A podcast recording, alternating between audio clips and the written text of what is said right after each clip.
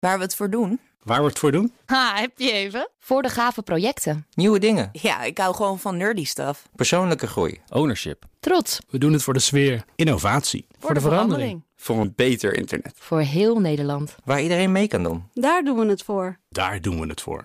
Waar doe jij het voor? Kom werken voor KPN en groei op jouw manier. Check de actuele vacatures op het gebied van data, security, development en networking op jobs.kpn.com/tech. Wetenschap vandaag. De resultaten van de coronablaastest blijken flink tegen te vallen. Dat staat vandaag in de Volkskrant. Terwijl uit de eerste controleproef geweldige cijfers kwamen. En daar gaan we het over hebben met wetenschapsredacteur Carlijn Meinders. Carlijn, goedemiddag. Goedemiddag. Ja, en dit valt dan ook nog precies in de COVID-week van de zomerserie. Hè, waar we eerder deze week ook al uh, mee bezig waren. Alsof het zo Ja. had moeten zijn. Wat is, er nou, nou, inderdaad. wat is er nou precies misgegaan met die test? Want dat wilde ik toch ook al weten vanmorgen. Eerst sky high, eh, eh, zeg maar, verwachting. Ministerie koopt het. En dan nu dit bericht. Ja, eh, in totaal lagen er al eerst 400 apparaten klaar. Er werden er nog eens 1800 bij besteld. Kosten miljoenen tot tientallen miljoenen. Eh, eind vorig jaar was de Spyronose, zoals het apparaat heet, nog uitgebreid getest door de GGD Amsterdam en het LUMC. Toen waren de resultaten dus veelbelovend. Hugo de Jonge sprak er lovend over. Hij zou in heel veel gevallen met hoge zekerheid vast kunnen stellen, in ieder geval wie het virus niet heeft. Nou, daarmee zou het een hele mooie, snelle en makkelijke en goedkope oplossing zijn. De test werd toen goedgekeurd en afgelopen februari in gebruik genomen. Maar toen ging het al snel mis, schrijft de Volkskrant. Meerdere mensen die een negatieve ademtest hebben gehad, belanden toen alsnog in het ziekenhuis met COVID. Ja, en ik neem dan aan dat toen alles is stilgelegd. Er volgde een intern onderzoek bij de GGD Amsterdam in samenwerking met de fabrikant, waarvan de conclusie was: het testapparatuur is prima, het ligt aan fouten van de medewerkers. Maar toen waren er al meerdere GGD's die begonnen te twijfelen aan de werking van de test. Er werd om controle van betrouwbaarheid gevraagd. Er kwam ook een reactie van de fabrikant die zei: Nou, wellicht is toch wel wat onderschat door de testlocaties hoe belangrijk de setting is. Uh, uitlaatgassen, temperatuurwisselingen, die zouden de resultaten wel eens kunnen beïnvloeden. En niet alle locaties hielden hier genoeg rekening mee. Terwijl de uitrol de afgelopen weken zelfs nog uh, verder ging, zijn er weer nieuwe controletesten gedaan. En daarvan waren de resultaten niet best. Hoe kan dat nou zo ontzettend tegenvallen, Carlijn? Dat is nu de vraag. De Volkskrant sprak uh, Geert Groeneveld van het LUMC, betrokken bij het eerste onderzoek. Hij zegt: er is absoluut geen sprake van aangedikte resultaten. Er is niet gerommeld met de data. Uh, van die eerste testen, die geweldige resultaten lieten zien, zeiden toen al meerdere onderzoekers wel. Nou, dat is bijzonder. Er wordt al heel lang onderzoek gedaan naar dit soort testen. Dit zijn wel hele goede resultaten. Dat verwacht je niet. Ook was het niet duidelijk hoe dat testen nou precies was verlopen. Mariska Leeflang van het Amsterdam UMC bestudeert hoe medische testen worden geëvalueerd. En kijkt hierin ook naar dit soort snuffelapparaten. Ook zij geeft aan, niet alles is helder. Het onderzoek wat ik hier voor me heb liggen. Dat is voor zover als dat te beoordelen is met wat er is opgeschreven, is dat redelijk netjes gedaan. Dus die getallen voor dit onderzoek en voor deze populatie en op, nou ja, ik kan bijvoorbeeld ook niet lezen wie die uh, neus heeft afgenomen en afgelezen. Maar in die omstandigheden kunnen die getallen best kloppen.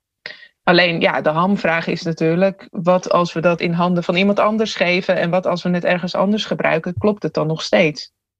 Ja, klopt het dan nog steeds? We weten dus niet of alle testen met dat apparaat hetzelfde zijn verlopen, Carlijn. Nee, nee, we weten niet genoeg over de setup, de omstandigheden, maar dus ook weinig informatie over de testpopulatie. Hoe zijn die proefpersonen nou precies geselecteerd? Uh, weten we bijvoorbeeld wel hoe dat apparaat überhaupt werkt? Nou, daar, daar, ontbreekt ook wat informatie over. Deze neus heeft allerlei sensoren die pikken moleculaire signaaltjes op. Maar wat is de formule nou precies? Ook een mogelijk probleem met dit apparaat. Als je dit heel erg snel gaat testen, zijn de sensoren. Die zijn heel erg gevoelig, vertelt hoogleraar innovatieve chirurgische technieken van het Maastricht Universitair Medisch Centrum, Nicole Bouvie.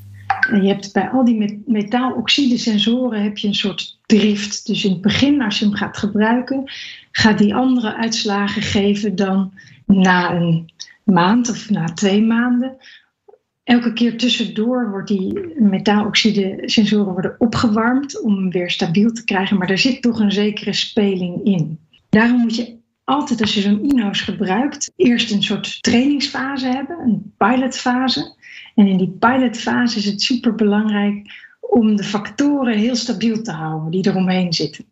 En is dat in dit geval niet gebeurd? Het zou inderdaad goed kunnen dat die trainingsperiode, waarbij je eigenlijk die sensoren dus de hele tijd goed moet opwarmen, dat dat niet helemaal goed is doorlopen. Dat kost heel veel tijd. Daarnaast moet je het algoritme trainen. Daarvoor moet je de juiste verhouding gezonde en zieke mensen in je testgroep hebben. Nou, daar weten we niet alles over.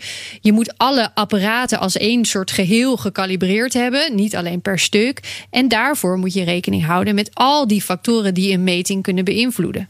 Over vochtigheid in de omgeving uh, warmte, maar ook de patiëntgebonden uh, gegevens, zoals is iemand nuchter, heeft hij gerookt, heeft hij alcohol gebruikt, is er alcohol in de omgeving, is er iemand op de fiets gekomen of met de auto. Dat maakt allemaal verschil over wat je voor stofjes uitademt. En die kunnen allemaal weer invloed hebben op die sensoren. En weten we dan niet of hiervoor allemaal gecontroleerd is?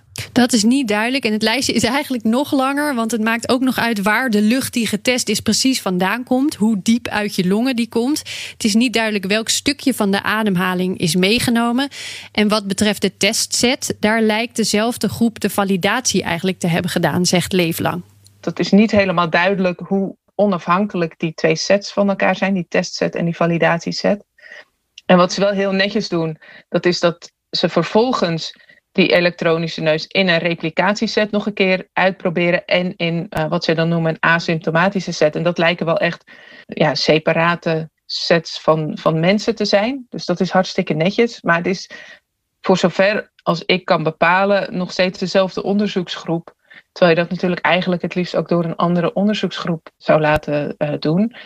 Oké, tot, tot, slot Carlijn. Wat, wat actie, adviseren de experts eigenlijk op dit moment? Stoppen met die test? In ieder geval zeggen ze vrijwel allemaal... dit ging te snel, er moet meer getest worden... voordat we zeker weten of het betrouwbaar genoeg is. De techniek is veelbelovend en die PCR-test is ook niet 100% gevoelig.